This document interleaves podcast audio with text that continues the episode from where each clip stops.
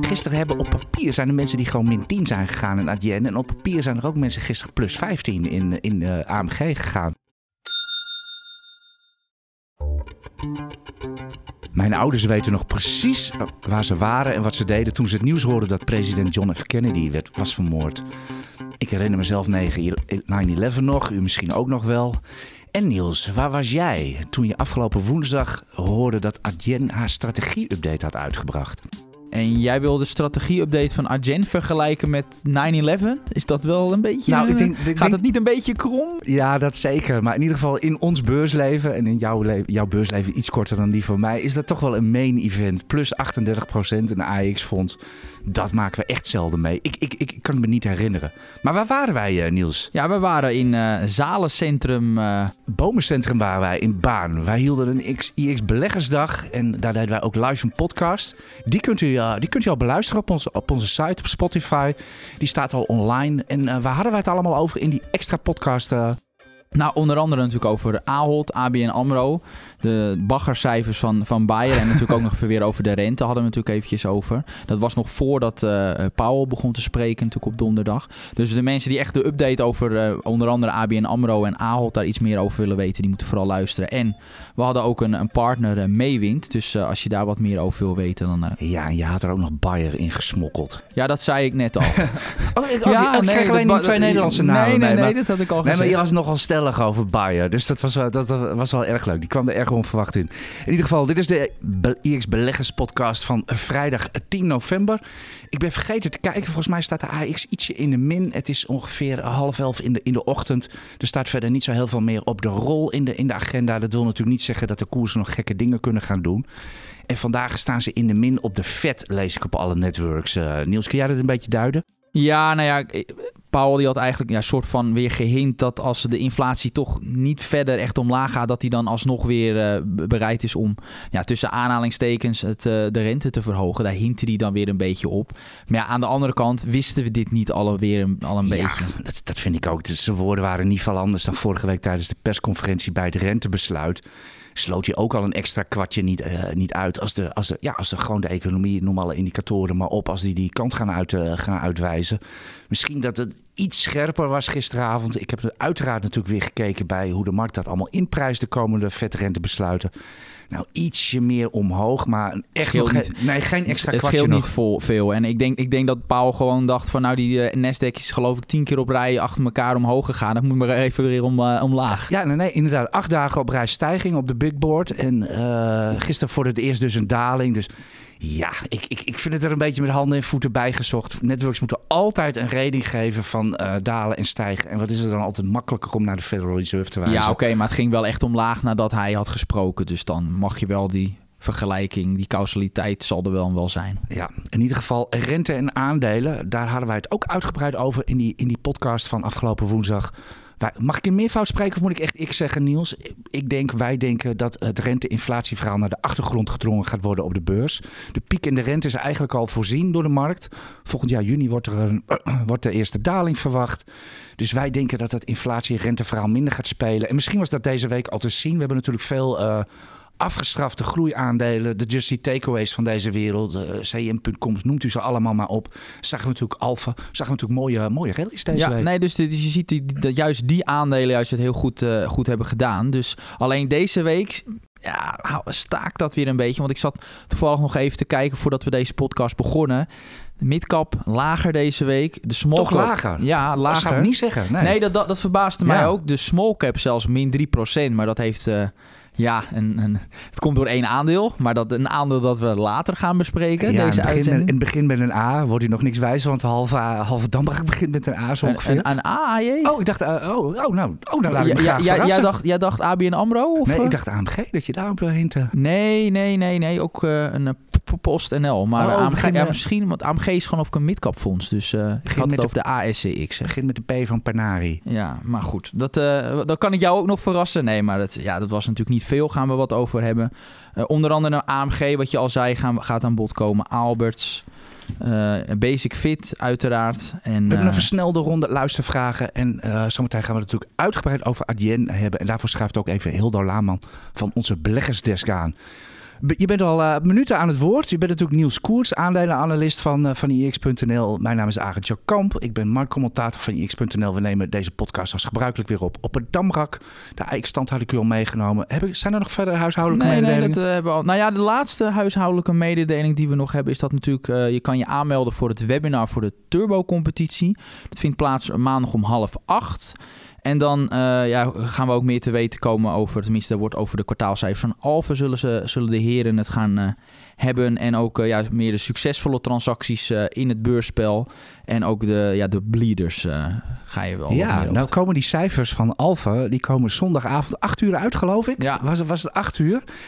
Ik neem aan dat jij ze meteen oppikt, uh, Niels. Nou, ik kom dan net, uh, zal ik net op de trein terug uh, zijn van, vanuit de Kuip. Dus ik denk niet dat ik dan in de mood ben om... jij om gaat naar Feyenoord AZ, begrijp zeker, ik? Zeker, Dus, ja, dus dan meestal dan heb ik die avond geen zin meer om nog wat te gaan doen. Nou ja, mocht u op dezelfde tribune staan, u kunt Niels in de pauze aanschieten. En, ja, maar ik zit in een wat kleiner vakje. ik denk dat we maar, volgens mij, ja, de brede markt hebben we eigenlijk ook gisteren al uitvoerig besproken. Dat, dat renteverhaal, wij denken dat de winsten en de economie weer wat meer bepalend ja. gaan zijn. Totdat er natuurlijk weer een nieuw uh, thema de markt in vliegt. Dat kan altijd ieder moment gebeuren. En ik denk dat het de hoogste tijd is dat we maar naar uh, ja, het aandeel van het jaar gaan, gaan kijken. Dat is toch Adyen? Ja, en daarom ook het beste van de beleggersdes is van, is gaat over Adyen. Hildo, kom er maar bij.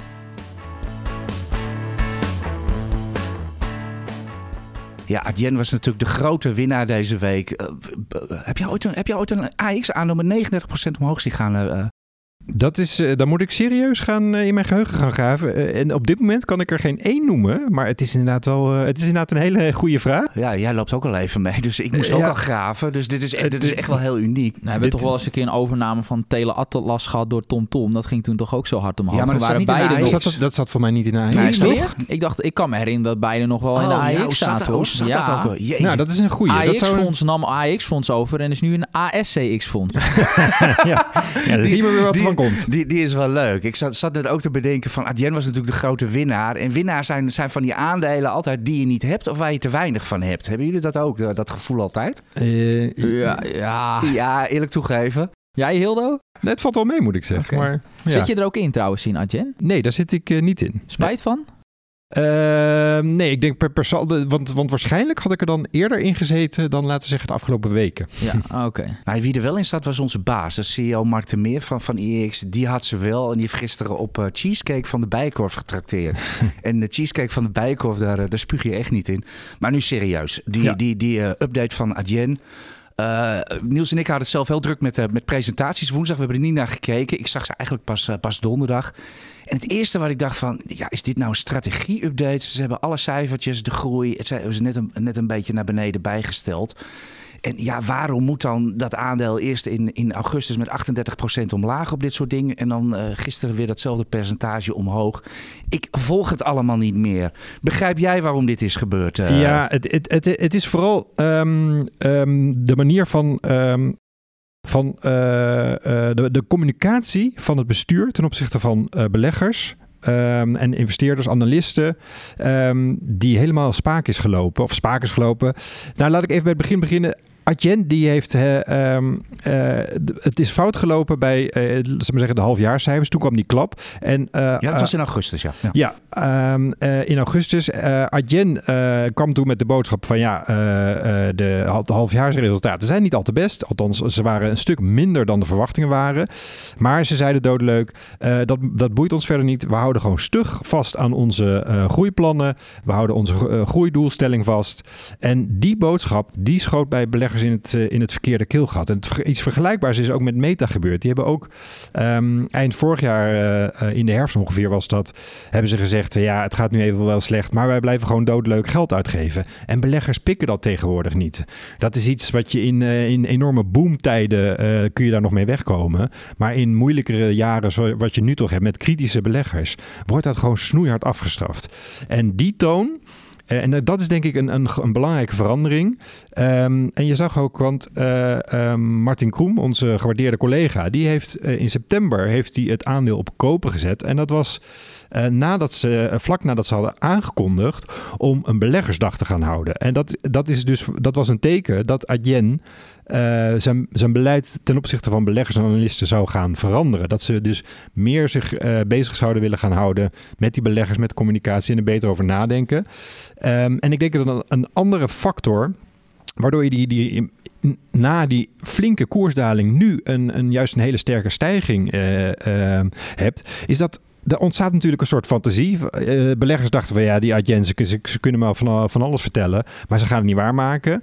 Um, maar nu hebben ze uh, wel hun uh, doelstellingen verlaagd. Hun groeidoelstelling was 25 tot 33 procent. Um, ja, Martin 25, ja. 20 ja, tot 30, toch? Was ja. dat niet ongeveer? Ja, ja, ja, zoiets. Ja, ja. ja nou, er zit, zit zelfs nog ietsje lager. Martin Kroem, die, die, lag, uh, die, zat, die zei van nou, 20% is realistischer. En ze zeggen nu zelf, um, zeggen ze high teens, uh, uh, low 20s. Dat is wat ze nu zeggen aan, aan groeidoelstelling gemiddeld per jaar. Nou, dat is nog altijd heel behoorlijk, maar dat is een stuk minder dan 25 tot 33. Ja. Um, maar, maar ja, daar is de waardering ook wel flink vooraf precies, gekomen. Precies, maar kijk, het had natuurlijk ook 10% kunnen zijn. Dus, dus kijk, die, die fantasie, die is er nu even uit. Dus, um, uh, en uh, en ik denk dat vooral de boodschap, uh, we luisteren naar wat analisten en beleggers willen. zeggen en ja. denken en willen. Dat, is, dat, dat, dat, dat heeft denk ik veel goed en, en die margedoelstelling van, wat was het, 50%? 50%, ja, dat is meer zich, dan 50%. Dat is wel fors, want dat concurrenten gaan dat nooit halen. Nee, maar dat, uh, kijk, zij, zij hebben gewoon het beste platform. En daarom rekenen zij uh, relatief hoge prijzen. En uh, zij gaan ervan uit dat ze er mee weg kunnen komen. Waarom is dat? Um, je hebt nogal wat transacties die, die misgaan. En dat kost geld.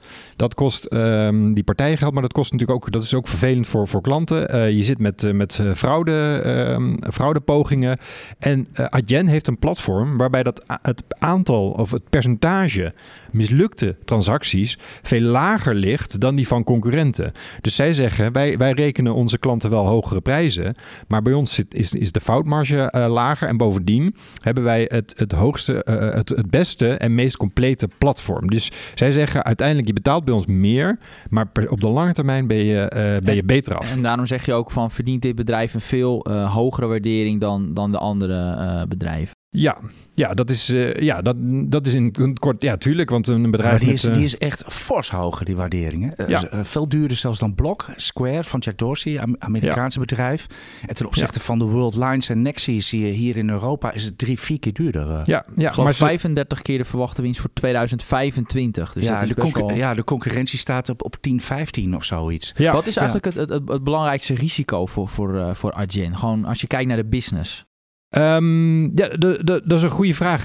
Um, nou, ik denk dat, kijk, omdat ze het beste platform hebben, um, is denk ik. Um, ja, dat iemand met een beter platform komt. Nou ja, dat, nou ja, dat, dat is denk ik niet zo heel makkelijk. Um, maar kijk, ik denk dat gewoon dat het grootste risico is gewoon, is gewoon uh, e economisch. Uh, kijk, wat, wat zij zeggen, wij gaan wel klanten, die gaan wel uh, binnenhalen. En zodra we klanten eenmaal binnengehaald hebben, dan worden die zo enthousiast over een platform. En dat is ook, wat ze, wat ze, dat is ook hun groeibasis. Dus ze komen binnen met een gedeelte van hun, um, we zeggen, van hun business. Uh, en dat wordt steeds groter en groter en groter. Um, dus zolang dat platform uh, goed de, de beste blijft, is wat dat betreft denk ik qua concurrentie zitten ze goed. Maar je zit natuurlijk wel nog gewoon met uh, de, de, algemene economie. Uh, je zit nog met, met, met regulering, dat, dat, dat soort dingen. Dat, dat zijn natuurlijk wel risico's. Maar dat, daar heeft elke bedrijf mee te maken. Ja, maar heeft daar ook niet die, die opluchtingsrally van gisteren ook wel mee te maken? Want ik bedoel, de concurrentie, Worldline ging 58% op cijfers. Het Britse CAB uh, payments of, of, cap payments, ik weet niet hoe ik dat uitspreek, zelfs min 72. Ja. En terwijl het Adyen gewoon in Q3, ze lieten wel, het was wat lager dan Q2, maar ze liet wel 20% groei zien. Ja. Geeft dat aan dat de markt vertrouwen heeft in ja, een kwaliteitsbedrijf? Ja, nou zoals ik al zei, dat, dat, komt, dat heeft dus te maken, kijk als je gewoon het, het beste product uh, uh, levert. Kijk, stel je, bent een, je hebt een, een e-commerce platform. Je wil gewoon dat die betalingen, dat dat goed geregeld wordt. Je wil niet elke week een hele was lijst met mislukte transacties zien. Waar je, uh, waar je dan vervolgens achteraan moet gaan. Waarbij je misschien uh, geld gaat verliezen. Dat wil je niet. Het, het, je, bij, je, bent zo fel. Het klinkt bijna alsof je daar zelf ervaring mee hebt. Nee, nee, nee. dat, dat, dat, heb ik niet. Maar uh, kijk, ik, ik kan me voorstellen dat als jij... Dat betalingen zijn voor heel veel bedrijven natuurlijk van levensbelang. Het geld moet wel binnenkomen. Ja, ja. Dat, dus um, en, en er gaan, het gaat om heel veel transacties. Ik zat net heel even in, in um, het, aan, het jaarverslag te kijken. Het gaat om... Adyen heeft vorig jaar 750 miljard transacties gedaan. Dus het gaat om serieus veel transacties. Dus het is, het is gewoon van levensbelang voor Ja, het bedrijven. staat niet voor niets natuurlijk hier voor tientallen miljarden waarde hier aan de beurs genoteerd. nee, eh. nee, precies. En nog, nog, nog, nog één ding, die communicatie en Adyen. eh, toen het bedrijf naar de beurs kwam, vonden ze het niet nodig om hier de gong te luiden. De term arrogant hoor je vaak bij, bij analisten als het om Adyen gaat. Is dat er nu een beetje af? Ik hoop het wel. Wat, wat, wat grappig is, ik, in, in het jaarverslag vond, kwam ik een, eh, een belangrijke term, althans dat zeggen ze zelf tegen. Daar stond in, eh, wij vinden winning more belangrijk, eh, belangrijker dan ego. en ik dacht van, nou, dat, die les die mogen ze zelf inderdaad ook wel... eh, Ja, zich te hard te nemen. Oké, Ja. heel duidelijk. Dankjewel over Adyen.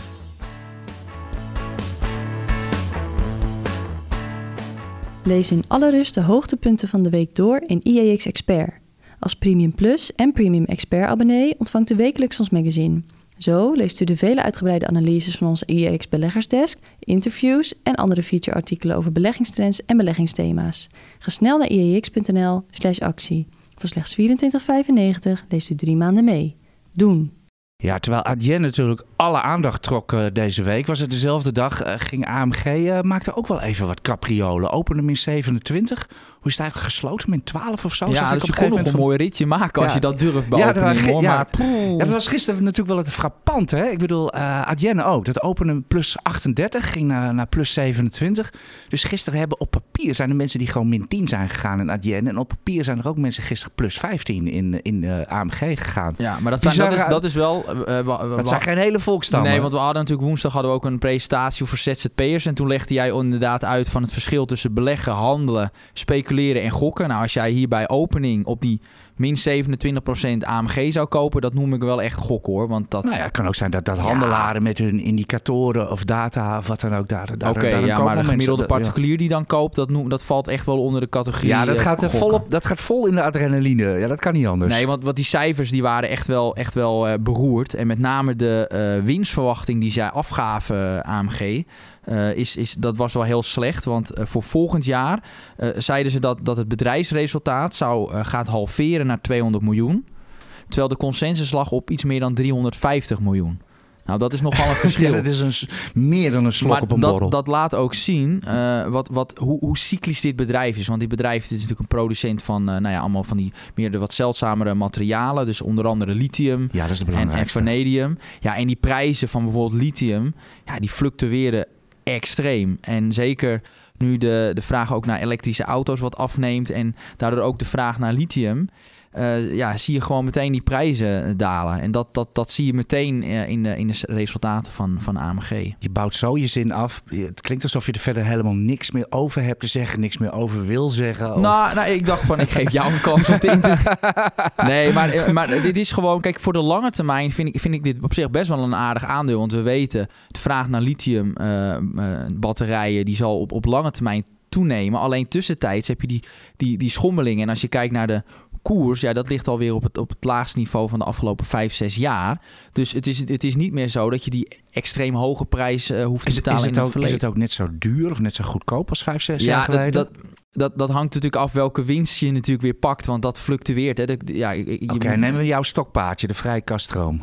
Eh, ja, die is dan nog wel wat matig bij AMG. Maar dat komt ook weer omdat ze veel investeren in de uitbreiding van hun, eh, van hun fabrieken. Dus eh, ja, dus, dus in dat opzicht, het is een, echt wel ook wel een, een, groeiaandeel, maar dat ook nog eens een keer cyclisch is. Ja, het is het, we noemen het niet voor niets het, het meest eh, hele hoge risico. Ja, En- samen met OCI, hè, Oki, eh, populair, populair gezegd, dat zijn zulke, ja, het zijn hypercyclicals.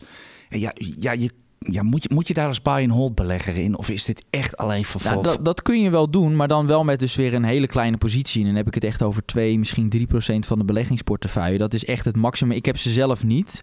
Uh, maar als je dat wil, dan echt hou die posities zo beperkt mogelijk. Want wat ik wel echt wil noemen, één heel ja, groot anders risico. ga je echt regelmatig met grote ogen s'nachts Ja. naar het plafond staren. Hoor. Ja, want in, in de, de marktleider in deze sector is, uh, is bijvoorbeeld Albemarle. En die hebben echt ook, die hadden, ik geloof Nog een keer, ik verstond de naam niet Albemarle, dat is de, ja, de marktleider. En die hadden al echt gewaarschuwd dat ze bijvoorbeeld ook ehm, marktaandeel verliezen aan de Chinezen. Want die zijn hier ook weer mee bezig. Dus eh, Ja, het is, uh, het, is, het, is, het, is, het is het hoogste risico. En dat zie je dan ook in die, in die koersprongen. Dus, uh, ja, het, zijn, ja. het zijn eigenlijk op de eerste oog ongeleide projectielen. Ja. Dat, uh, ja, dat moet je voor lief nemen als, ja, je, ook, als je daarin ook zit. Ook omdat ze dus echt afhankelijk zijn van, van, ja, van de marktomstandigheden, van die prijzen. En die bedrijven worden vaak ook wat, wat lager gewaardeerd. Ja, een aandeel waar wij toevallig allebei in zitten. En wat wij eigenlijk ja, een beetje een defensief aandeel vinden. Maar wat desondanks als, cyc cyclus wordt gewaardeerd en ook beweegt, dat is, dat is Alberts, uh, Niels. Die hadden van de week wel een heel sumiere update. Ja, ik, één cijfer erin. Ja, nou ja, en, een heel verhaal. Daar hou ik niet van. Nee, nou, ik, een heel verhaal. Ik vond, ja, het, een heel verhaal. ik vond het nog wel meevallen. ik, ben, ik ben mooi persberichten gewend van Alberts. Dan hebben ze gewoon uh, headlines, outlook, praatje, drie zinnen van de CEO en een staartje met de voornaamste cijfers. Het was nu één cijfer en verder alleen maar Ja, verhaal. maar het is een trading update. Dus ja, maar die trading updates zagen er ook altijd zo uit. Nou, nou ja, misschien een nieuwe CEO die dat, zo wil. valt echt wel mee hoor. Want de, uh, je kan zeggen, de, het was echt op minder dan één A4'tje hadden ze gezet. Dus dat viel wel mee. En ik had, uh, ja, ik, ik vind het altijd wel een feest om Al Alberts te doen. Uh, en ik ook gewoon om, om IR te spreken. Want wat wel leuk was, dat uh, de groei zakte natuurlijk wat af. Nou, dat was allemaal verwacht. Uh, eigenlijk niet, niet heel schokkend hoor. Omzetgroei van, van 5% in de eerste 10 maanden. Dat was 5,6 in de eerste zes maanden. Dus betekent maar 4% groei in die laatste vier maanden. Nou, dat, dat is allemaal klein bier. Maar ja, als, als, ik je even mag onderbreken. Mensen, eh, we zitten natuurlijk hier in Nederland formeel. Uh, Amerika niet, Europa ook half. We zitten wel in een recessie. Hè? En, en dan een cyclisch aandeel. Goh, wat raar dat het allemaal een beetje ja, minder maar is. dan nog steeds wel plus 5%. En wat ik juist interessant vond, was dat... Uh, waar ging het juist goed met de industriële activiteiten? Dat verbaasde mij wel. Want dat, je zou denken dat juist die het moeilijk hebben. Maar dat, daar hadden ze juist hele hoge groei. En uh, bij de uh, verduurzamen van woningen, daar zat dus 1% krimp. En dat is wel hun belangrijkste activiteit. En dat komt dan weer omdat veel nieuwbouwprojecten toch worden uitgesteld. Dus daar was wat krimp. Uh, maar ja, die industriële activiteiten, dat ging, ging eigenlijk best wel, best wel goed. Dus, dus dat, dat is een plus. Maar de markt, en dat is een van de redenen waarom Alberts de afgelopen maanden zo is afgestraft. De markt die verwacht dat het bedrijf niet aan de eigen margeverwachting kan gaan doen. Voor ze hebben ook middellange termijn targets afgegeven. Um, dus ja, ik vond dat, uh, dat gaat dan om een margedoelstelling van 16 tot 18 procent. Nou, dat is, hè, als je dat zo hoort, dan denk je van nou oké.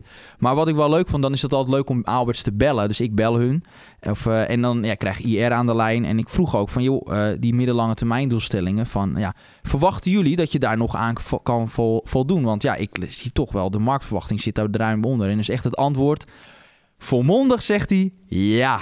Nou ja, dan zou je kunnen denken, nou, veel bedrijven ja, die, die, die, die, zeggen wat ze moeten wel leveren. Maar Alberts is juist een bedrijf dat de afgelopen 15 jaar altijd heeft geleverd. Dus wil ik dit wel, en het was heel overtuigend. Ja, ik wil dat dan wel uh, meenemen. Een bedrijf dat altijd levert en echt overtuigend zegt, nou, we gaan dit halen. Ja, dan ben ik wel bereid om daarin mee te gaan en dat dus ook in mijn taxaties uh, te verwerken. Dus daarom zit ik ook wat hoger dan de, dan de consensus. Maar ja, ze moeten het uiteindelijk wel waarmaken. Ja, oké. Jouw verhaal hierover, je koezel en advies, dat lees je uiteraard uh, op IEX natuurlijk. Ik denk dat we naar de luistervragen kunnen, Niels.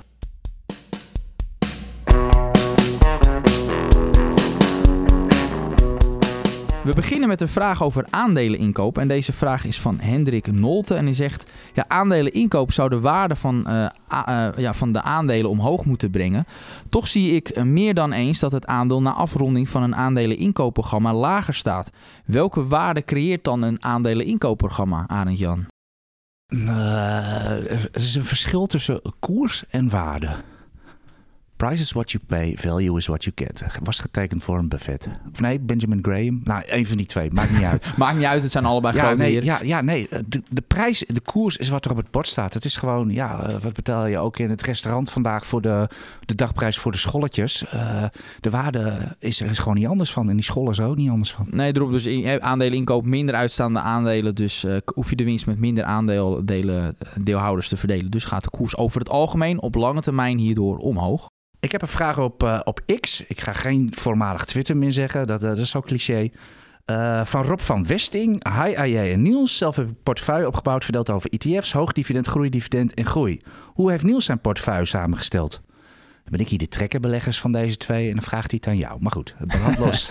nee, kijk, ik, ik doe natuurlijk individuele aandelen. En ehm, ja, er zit ook een verschil in tussen... Ik heb uiteraard het speculatieve groeihoekje. Speculatieve aandelen die nog niet winstgevend zijn... maar waarvan ik wel veel verwacht. Dus minder dan 10%. Nou, dan heb ik de helft van mijn portefeuille. Dat zijn echt de defensieve havens. Dus een, voorbeelden zijn Ahold. Nou ja, deze, deze week iets minder defensief. um, wat Luister de vorige podcast. Ja, uh, onder andere Unilever, uh, Bristol Myers. Dat soort, dat soort bedrijven. Dus echt het meer defensieve aandelen. En dan zit er ook nog zit een groeihoekje bij en bedrijven die er net tussen invallen. Want zoals Alberts, ja, waar zou jij die inderdaad in moeten, in moeten uh, schalen? Ik, ik vind het een, enerzijds ook een groeibedrijf. Maar ja, als je kijkt naar de waardering, is het ook weer een waardebedrijf. Dus het zit er dan een beetje tussenin. Dus het is altijd lastig om daar echt... Ja, heel, geldt ook voor, voor een Microsoft of een TKH dichter bij huis. Ja, geef het maar een titel. Dus, eh, dus, dus er zit van alles bij. Ook cyclisch groei, eh, stabiel, alles zit er eigenlijk in. Ik wil gewoon ja, breed gespreid zijn. Ja, als je dan toch... Je had het over hoekjes. Wat zit er bij jou allemaal in het verdomhoekje? Deze week. Of uh, dit jaar. Gewoon überhaupt. Uh, mijn slechtste posities. Dan zal ik even moeten nadenken. Nee, laten we dat maar niet gaan nee, doen. Nee, ik wilde... Nou ja, kijk, Ebusco heb ik al verkocht. Dus die pijn is weg. Ik denk Flatix Giro is dit jaar een topper. Maar sinds ik hem gekocht heb, staat hij nog wel relatief laag. Bristol Myers valt ook tegen. Dus er zitten wel een aantal... Maar ja, daar Bezi, ja, die is al bijna verdubbeld dit jaar. Dus daar word ik dan wel weer heel blij van. Dus er zit, uh, zit er van alles tussen. Wat is jouw beste positie? Uh, dat weet ik niet, zou ik even moeten kijken. Ik denk uh, Tesla misschien of ASML. dat zou ik even moeten kijken. Ja. Dan heb ik ook nog wel een leuke vraag voor jou, AJ. Ja, hij zegt hij, dat is een vraag van Stefan. En hij zegt, ja, ik koop iedere maand trouw de ETF van Van Eck in development, Developed Markets en Leaders. Dit is mijn enige positie. Is dat genoeg gespreid? Ik ken die trekker niet. Dan zou ik echt moeten gaan kijken. Ik, ik, ik weet niet wat erin zit. Dus dat kan ik, kan niet zeggen. Uh, in principe uh, kan je natuurlijk aan één trekker genoeg hebben. Hè? Als je de wereldindex neemt, dan zit je al in de 1500 grootste aandelen ter wereld. Ben je, ben je meteen helemaal klaar. Ik zou, ik zou even onder de motorkap moeten kijken. Ja, maar goed, in al, normaal zeggen wij altijd wel van... we vinden het wel, als mensen echt een ETF-portefeuille hebben... moet daar wel de wereldindex in zitten. En eigenlijk ook wel een brede Europese index. Bijvoorbeeld die Stocks Europe 600. Ja, dan ben je, dan ben je inderdaad heel mooi gespreid. Ik, ik zou zeggen, kijk, doe even ook gewoon zelf je huiswerk. Kijk wat de benchmark is van, van, die, van die trekker. En dan ja, of die gewoon netjes in de buurt blijft. Heel goed. En heb ik er nog een van Joep. Uh, wat ik fijn blijf vinden, meerdere chippers, deze vraag krijg ik ook op X, meerdere chippers bellen de bodem. Nou, in de cyclus dan voeg ik daar maar even veiligheidshalve aan toe. Terwijl veel indicatoren juist laten zien dat het steeds slechter gaat met de economie. Hoe serieus kunnen we die uitspraken van de chippers nemen? Ja, maar ja, de chippers, als er, is wel, als er één sector is dat vroeg cyclisch is en daardoor ook sneller uit, hè, als het enigszins beter gaat, zijn dat ook de, de sectoren waar het snelst de verbetering zichtbaar is. Dus ik, ik, ja, ik vind dit lastig om echt waar het timen van dit soort dingen, van wanneer die om, een keer plaatsvindt, dat, dat, dat wil ik mij nooit helemaal aanwagen, omdat dat is bij op, de, ja, op het kwartaal of het halfjaar nauwkeurig is dat gewoon niet, niet te voorspellen. Dus daar ben ik altijd voorzichtig mee. Uh, maar ja, ik zie, ja ik, ik, ik, ik, zie niet in waarom ik eraan zou twijfelen. Ja, en dan is het misschien drie maanden dat het langer duurt, dat herstel. Maar die brede trend voor de chippers is natuurlijk wel, uh, wel gunstig. Meer digitalisering, hè, we gaan meer in de cloud werken, AI. zijn meer chips nodig, dus ook meer chipmachines. Ja, dat, dat speelt die chipbedrijven allemaal uh, in de kaart. Ja, ik zou er nog aan toe willen voegen van hoe serieus kunnen we die uitspraken nemen. Chippers gaan hun stakeholders echt niet voor de gek houden. Nee, want als je dat te vaak doet, dan kun je het vertrouwen van de markt ook kwijtraken. En dan gaat het aandeel alsnog uh, onderuit. Oké, ja, zullen we dan maar naar... Uh, omdat het moet, PostNL of is Basic Fit? Zullen we PostNL tot het laatst bewaren? Ja, we bewaren het slechtste voor het laatst. ik wist dat je dat ging zeggen. Ja, het is helaas wel zo. Ja. Ja, nee, ik denk Basic Fit had ik er ook bij staan. Uh, onder Die heb jij, hè? Grote positie trouwens. Ja, ja procent of 7. Dus, Oké, okay, nee, dat, dat, we dat even dat, weten als je dit verhaal houdt. Klopt. Uh, ze hadden een beleggersdag en waar ik dan wel naar geïnteresseerd was, waar ze, uh, wat ze zouden ze zeggen over hun groeiramingen en ook hun kaststroomramingen. Nou, we weten, Basic Fit is de grootste sportschoolketen van, van Europa. Ze zijn eh, onder Wacht andere... even, van Europa, want ze zijn niet in heel Europa actief. Nee, dat klopt. Maar er zijn ook in de, deze sector zijn niet zoveel eh, grote ketens eh, actief. Dat je ziet in, als het gaat bij sportscholen, is een heel erg gefragmenteerde markt. Dus heel veel partijen met maar één sportschool. En Basic Fit zag een gat in de markt door te denken van... hé, hey, er is geen enkele grote, eh, ja, grote discounter actief. Gewoon Van McDonald's, zeg Ja, maar. die- en er is geen McDonald's van de sportschoolketens actief. hey, dat kunnen wij gaan, gaan worden. Ze zijn, is toen in het begin een, een, een private equity partij geweest. Dat was 3i. En die hadden toen heel veel geld daarin gestopt, waardoor ze snel konden groeien. En nu hebben ze heel wat schaal, eh, ja, en, en hebben ze heel wat clubs al eh, ja, vooral, in, vooral in Frankrijk. Frankrijk, Nederland, Ja, België. hebben ze trouwens eh, de ambitie om heel Europa te veroveren? Weet je dat toevallig? Nou, ze zijn wel nu bezig met onder andere verder groeien in Frankrijk en Duitsland. Daar willen ze nu echt, is wel een prioriteit om daar te groeien. En het voordeel van zo'n grote keten is, is dat je meer schaal creëert en daardoor ook meer macht met het onderhandelen van bijvoorbeeld de inkoop van fitnessapparatuur of... eh, ja, ja, ja, dat soort synergievoordelen kan ja, iedereen eh, ja, zelf- en dat is heel belangrijk. Als je aan de onderkant van de markt opereert, dus op prijs concurreert, dan moet je zo goedkoop mogelijk eh, opereren. En als jij dan groot bent, dan ja, heb je gewoon die schaalvoordelen. Dan kun je dat dus een lagere, het, het aanbieden tegen een lagere prijs. En ja, dat, dat, dat doen zij heel slim. En daardoor zijn ze ook in alle landen waar ze actief zijn, zijn ze de goedkoopste speler. Dus, eh, dus dat. Eh, en ik keek ook met name naar inderdaad de, de kaststroomramingen. De, toen was de verwachting dat de komende drie, vier jaar hun vrije kaststroom...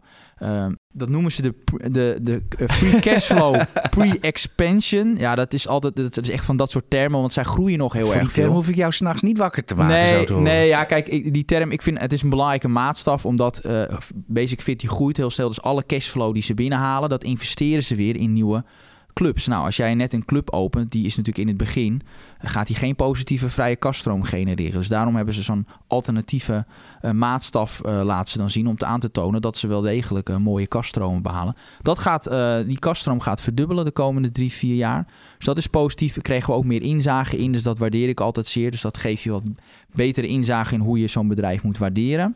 Eh, en ze waren toch nog wel redelijk positief ook over de ledengroei en de, en de kostenontwikkeling. Dus dat is allemaal positief.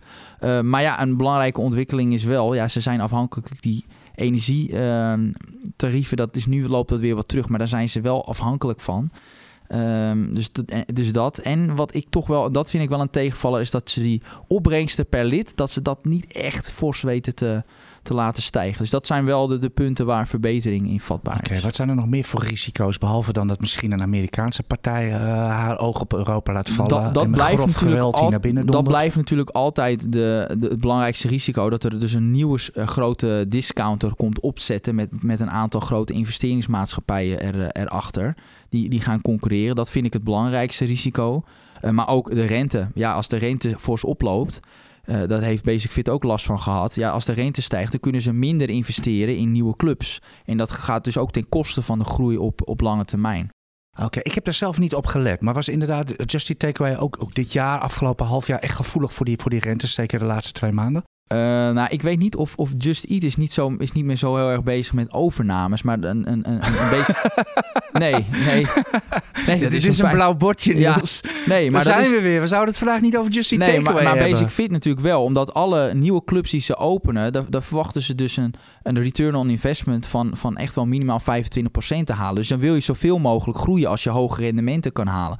Alleen met hogere rentes, ja, dan kun je weer minder lenen. En dat gaat ten koste van de groei. Dus dat is, ja, eigenlijk dat- zat de afgelopen jaren alles tegen. Hè, in corona, de clubs dicht, energielasten omhoog, rente fors omhoog. Ja, en desondanks is die beurskoers per saldo ten opzichte van vier jaar geleden nog redelijk eh, blijven liggen. Er zit daar gewoon ongelooflijk knap management. Er zit natuurlijk ook geen manager aan het hoofd van het bedrijf. Het is gewoon een ondernemer, René Ja. Moos. Is, is, is dat, eh, is dat de geheime kracht van het Nee, bedrijf? eh, echt. Ja, dit, dit is.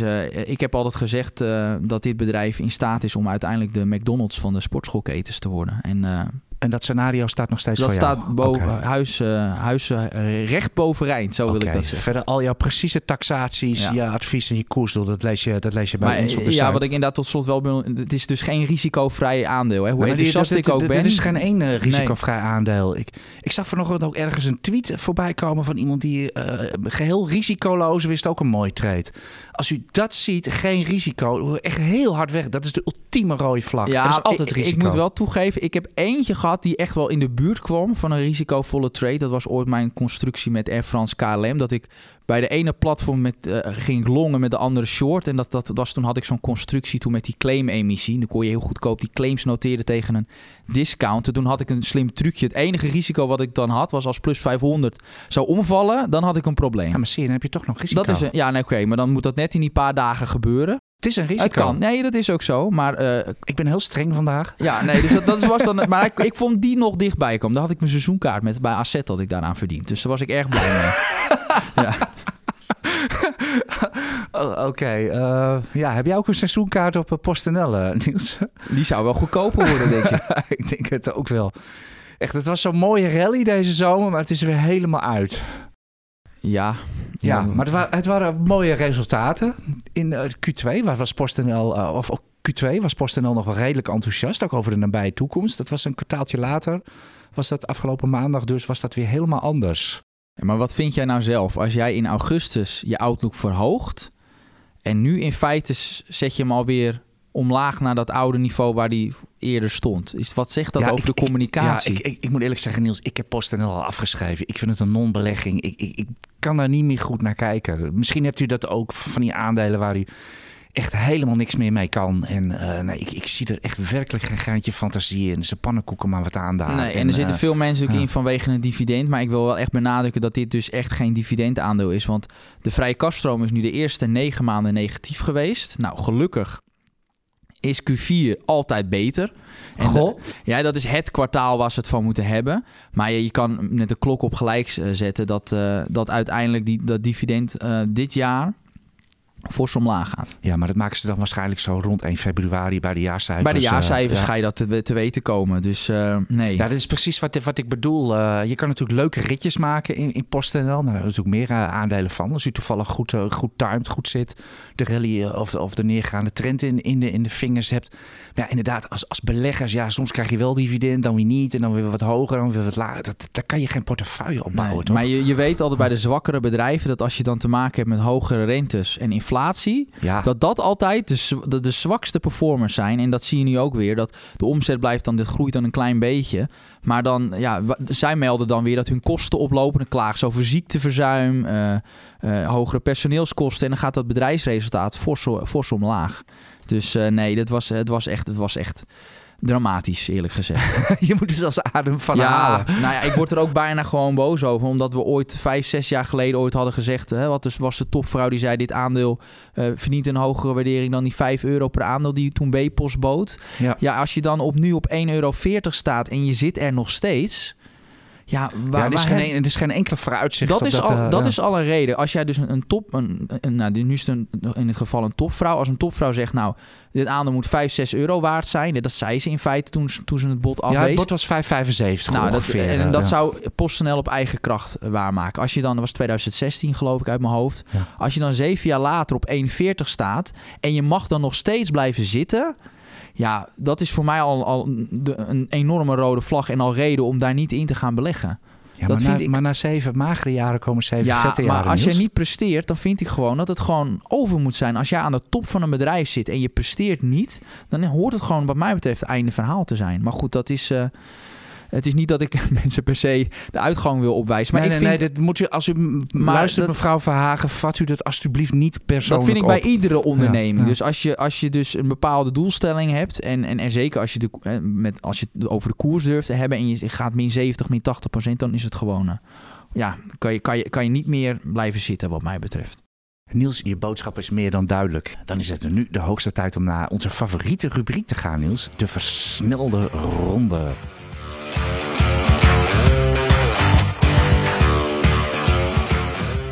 Ik, eh, ik open even met eentje die we niet op het lijstje hadden gezet. Hier vijf minuten voor deze eh, podcast. Maar die me net te binnen schoot. Van de week was het bericht dat BAM misschien overweegt in kerncentrales te gaan. What can possibly go wrong, Niels? BAM in kerncentrales? Ja, Doe maar. ja hetzelfde als sluisdeuren, toch? Ja, oh mijn hemel. Nou ja, ik, eh, ik dacht dat ze simpel zouden houden. Maar goed. Ja, dan hebben we eindelijk de grote projecten, de verlieslatende projecten met hoge risico's afgestoten. Het bouwen van een kerncentrale lijkt mij niet geheel risicovrij, maar ik heb er verder ook geen verstand van. En nu jij, nu gaan beginnen ik een stelling voor jou. Als lange termijn belegger luister je met een half oor naar de Fed als ko korte termijn belegger met twee oren. Eens of oneens? Dit vind ik een blauw bordje. Een blauw bordje? Ja, vind ik inderdaad. Inderdaad, de, de Federal Reserve zagen het gisteren weer. Op korte termijn, op dagbasis, zie je inderdaad altijd wel, wel een reactie op wat, wat centrale banken willen. Moet je dat echt wel, wel volgen. Maar als je echt echte buy-and-hold belegger uh, bent en je belegt uh, niet zozeer voor de dag van morgen als wel voor je kleinkinderen, achterkleinkinderen, dan, uh, dan moet je er met een half oor naar luisteren. En hoef je eigenlijk alleen maar in je portefeuille in te grijpen als ze echt een beleidswijziging aankondigen. Hè? Zoals een paar jaar geleden zijn gestapt van ver, verruimen naar verkrappen. Dan moet, je, dan moet je eens een keer gaan kijken. Nu ben ik weer. Uh, ja, Wolters Kluwer staat op een all-time high en Basie ook. Jij hebt met deze aandelen een haat-liefde Niels. Nou, met Base heb ik toch wel een liefdeverhouding hoor. Ik heb die ooit voor 20 euro. Als die dan op 110 staat, dan, dan, dan is de liefde groot.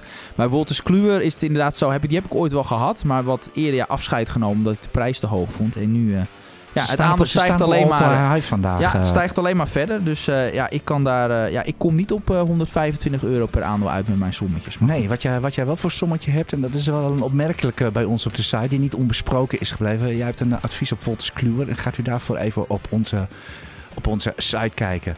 Ah jee, voor jou. Als je geen positie zou hebben, kies je dan voor ABN of ING? Uh, is het voor, voor buy and hold de rest van mijn leven of, Ja. of, of gewoon voor de korte termijn? Nou, uh, twee, drie jaar. Uh, twee, drie jaar, dan kies ik toch ABN AMRO. En het is omdat ING vooral exposure heeft naar bedrijfsleningen en ABN AMRO naar de hypotheekmarkt.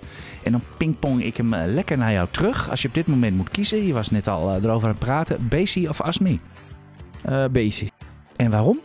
Uh, ah, wat meer dividend en ik, uh, ik kan het, uh, to de topman kan, ik wel, kan mij wel bekoren. Nou, tot slot, beste lange termijn belegging Shell of Total Energies? Trackrecord van uh, Total Energies is uh, vele malen groter. Dus, dus wat dat betreft is het uh, Total Energies. Het is één maar als u erin wil gaan beleggen. Het is wat duurder om in Frankrijk aandelen te kopen dan in Nederland. Daar betaalt u echt aan- en verkoopkosten. Dus u moet even een goed sommetje maken. Dus het hangt er een beetje vanaf hoeveel u belegt en hoe vaak u wel of niet koopt. Ik denk dat we Wouter er maar even bij moeten gaan pakken met een paar wat zeg ik allemaal? Een paar prangende vragen die wij ook zelf hebben, onze technische analist van uh, Tostrams.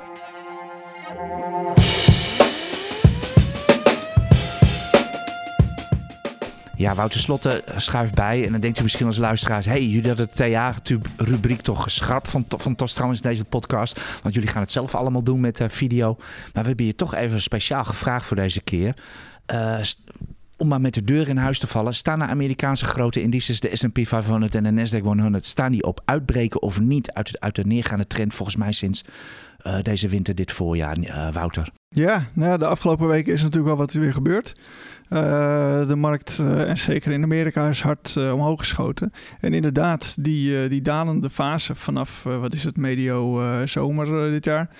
Uh, ja, die staat onder druk. Die lijkt eigenlijk wel uh, te worden verlaten. We hebben natuurlijk, uh, we kijken altijd naar een weekslot. En dus moet de, de week wel goed afsluiten om echt daaruit te breken. Maar als we zo tussen de, tussen de individuele aandelen kijken, zien we wel uh, dat er al wat aandelen zijn uitgebroken uit die trends. En die indices die zitten er ook echt wel aan te ja, komen. Kun je, kun je een paar van die aandelen noemen? Zeker. Microsoft uh, zag ik op een all-time ja, high Microsoft deze week. die heeft zijn all-time high uh, aange uh, aangescherpt, zeg maar. Uh, wat, wat leuke bewegingen laat zien uh, is bijvoorbeeld een Apple. Uh, die breekt ook uit die correctieve fase en die kan nu weer uh, omhoog. Het hebben we al, uh, dan hebben we al ruim 10% van de S&P 500 hebben we al bij de klappen. Ja, dat zijn natuurlijk de grote. En nou, ook wat interessant is Nvidia en, en het AMD, wat wel ja, weet je, die, die te technologie sector echt Ja, de echte AI-aandelen. AI-aandelen. Uh, en ik heb er nog eentje opgeschreven, dat is Broadcom. Dat, uh, die ziet er ook wel heel interessant uit. En dat is allemaal ook wel een beetje in die sector van, van, van de semiconductors, van de chips. En, en dat is ook echt wel, dus als we kijken naar de SOX-index, uh, dat is misschien wel het mooiste plaatje, want die heeft in die correctie is die opgevangen rond een aantal oude toppen. Die breekt nu ook nipt weer uit die correctieve fase. Dus daar zit best wel wat potentieel op. Als die uitbraak stand houdt, dan, uh, dan kunnen we de komende tijd best wel weer omhoog uh, Dus die, gaan die SOX die zit ook in die modelportefeuille van, van Tostrams? Ja, nou, de ETF uh, volgens mij wel. Dan moet ik uh, het antwoord je even schuldig laten, want die portefeuille beheer ik zelf niet. Oh. Uh, maar zeker de aandelen die daarin, dus die ik ook net noemde, dat zijn zeker interessante aandelen. En een aantal daarvan zitten ook in de Amerikaanse modelportefeuille. En mensen die die modelportefeuille van Tosstrooms willen zien, dat is dan gewoon tosstrooms.nl. Tosstrooms.nl, daar staat alles op en daar, daar kunnen ze sowieso alles volgen. En daar staan ook de modelportefeuilles. Oké, en dan nu de of, of index of wat je ook maar hebt meegenomen. Trommelgrovel. Ja, nou ja, onder andere dus de, de SOX-index had ik daarvoor uh, meegenomen. Maar ik heb ook een uh, grafiek meegenomen van, uh, van Just Eat. ja, dat is niet voorbesproken. Dat nee, is niet dat, doe jij, dat doe jij erom. nee, ik, ik hoorde al wat, uh, wat rondgaan, dus ik denk ik zal daar even naar kijken. Uh, en Just Eat is wel een interessante, maar daar zien we nog niet echt uh, de signalen die we wil, willen zien. Uh, als, zeker als we wat kijken op wat langere termijn, dan is daar een lagere bodem gevormd onder een belangrijke steunzone. Een steunzone van, uh, van eind vorig jaar. Uh, en die ligt zo tussen de 12 en 13,5 euro. Daar is hij onder geweest. Daar keert hij nu weer in terug. En hij beweegt in die zone. En eigenlijk pas als je boven die zone uitbreekt. Dan is dat die eerste uitbraak ongedaan gemaakt, zeggen we dan. En dan kunnen we weer omhoog kijken. Heb je daar, heb je daar een niveau van? Ja, wij, wij, hebben de stukken, dus we hangen aan je lippen. Boven ja. de 13,5 moet hij dan? Boven de 13,5. Dat is zeg maar de bovenkant van die, van die zone. Waar hij elke keer eigenlijk eerst steun vond. En nu dus weer op stuit. Uh, dus daar moeten we echt maar, zolang die daar nog in zit of onder zit, Vind je het uh, helemaal niks? Is het, is het voor ons uh, zeker nog niks. Nee, nee. Nou ja, het risico is gewoon te groot. Okay. Kijk, die, die neerwaartse risico? uitbraak... Just die take, waar heb je het over? nee, dus de, bij ons zijn we, wij zijn nogal wat voorzichtig daarin. Ja. Oké, okay, nou, dankjewel Wouter dat je toch nog uh, Justy Takeaway in deze podcast hebt uh, gefietst. Wij hielden onszelf nog uh, redelijk op de vlakte. Het begint echt een running gag te worden in deze, deze podcast. Dankjewel voor het, voor het luisteren weer naar deze wekelijkse EX'e beleggerspodcast. Uiteraard zijn we de volgende week weer. Wens je heel veel succes ehm, de komende week. En ik wil nog één ding van je weten Wouter. Kijk jij als technisch analist ook naar al die krantenkoppen met eindejaarsrally hierin? nou, nee, zelf niet. Maar, het, zeg maar als, als het algemene sentiment een bepaalde kant op wijst, waaronder dus uh, dit soort dingen, dan, uh, dan moet je altijd een beetje oppassen, denk ik. Niels, jij in de eindejaarsrally, wat is jouw relatie daarmee? Nou, ik vind het, vind het dus leuk voor de media, maar zelf als analist kijk ik daar natuurlijk niet naar. Ik, uh, ik heb er zelf ook niks mee. Het is alleen maar leuk als het zover is, maar dat zien we op oudejaarsavond wel. Hartelijk dank voor het luisteren en tot volgende week.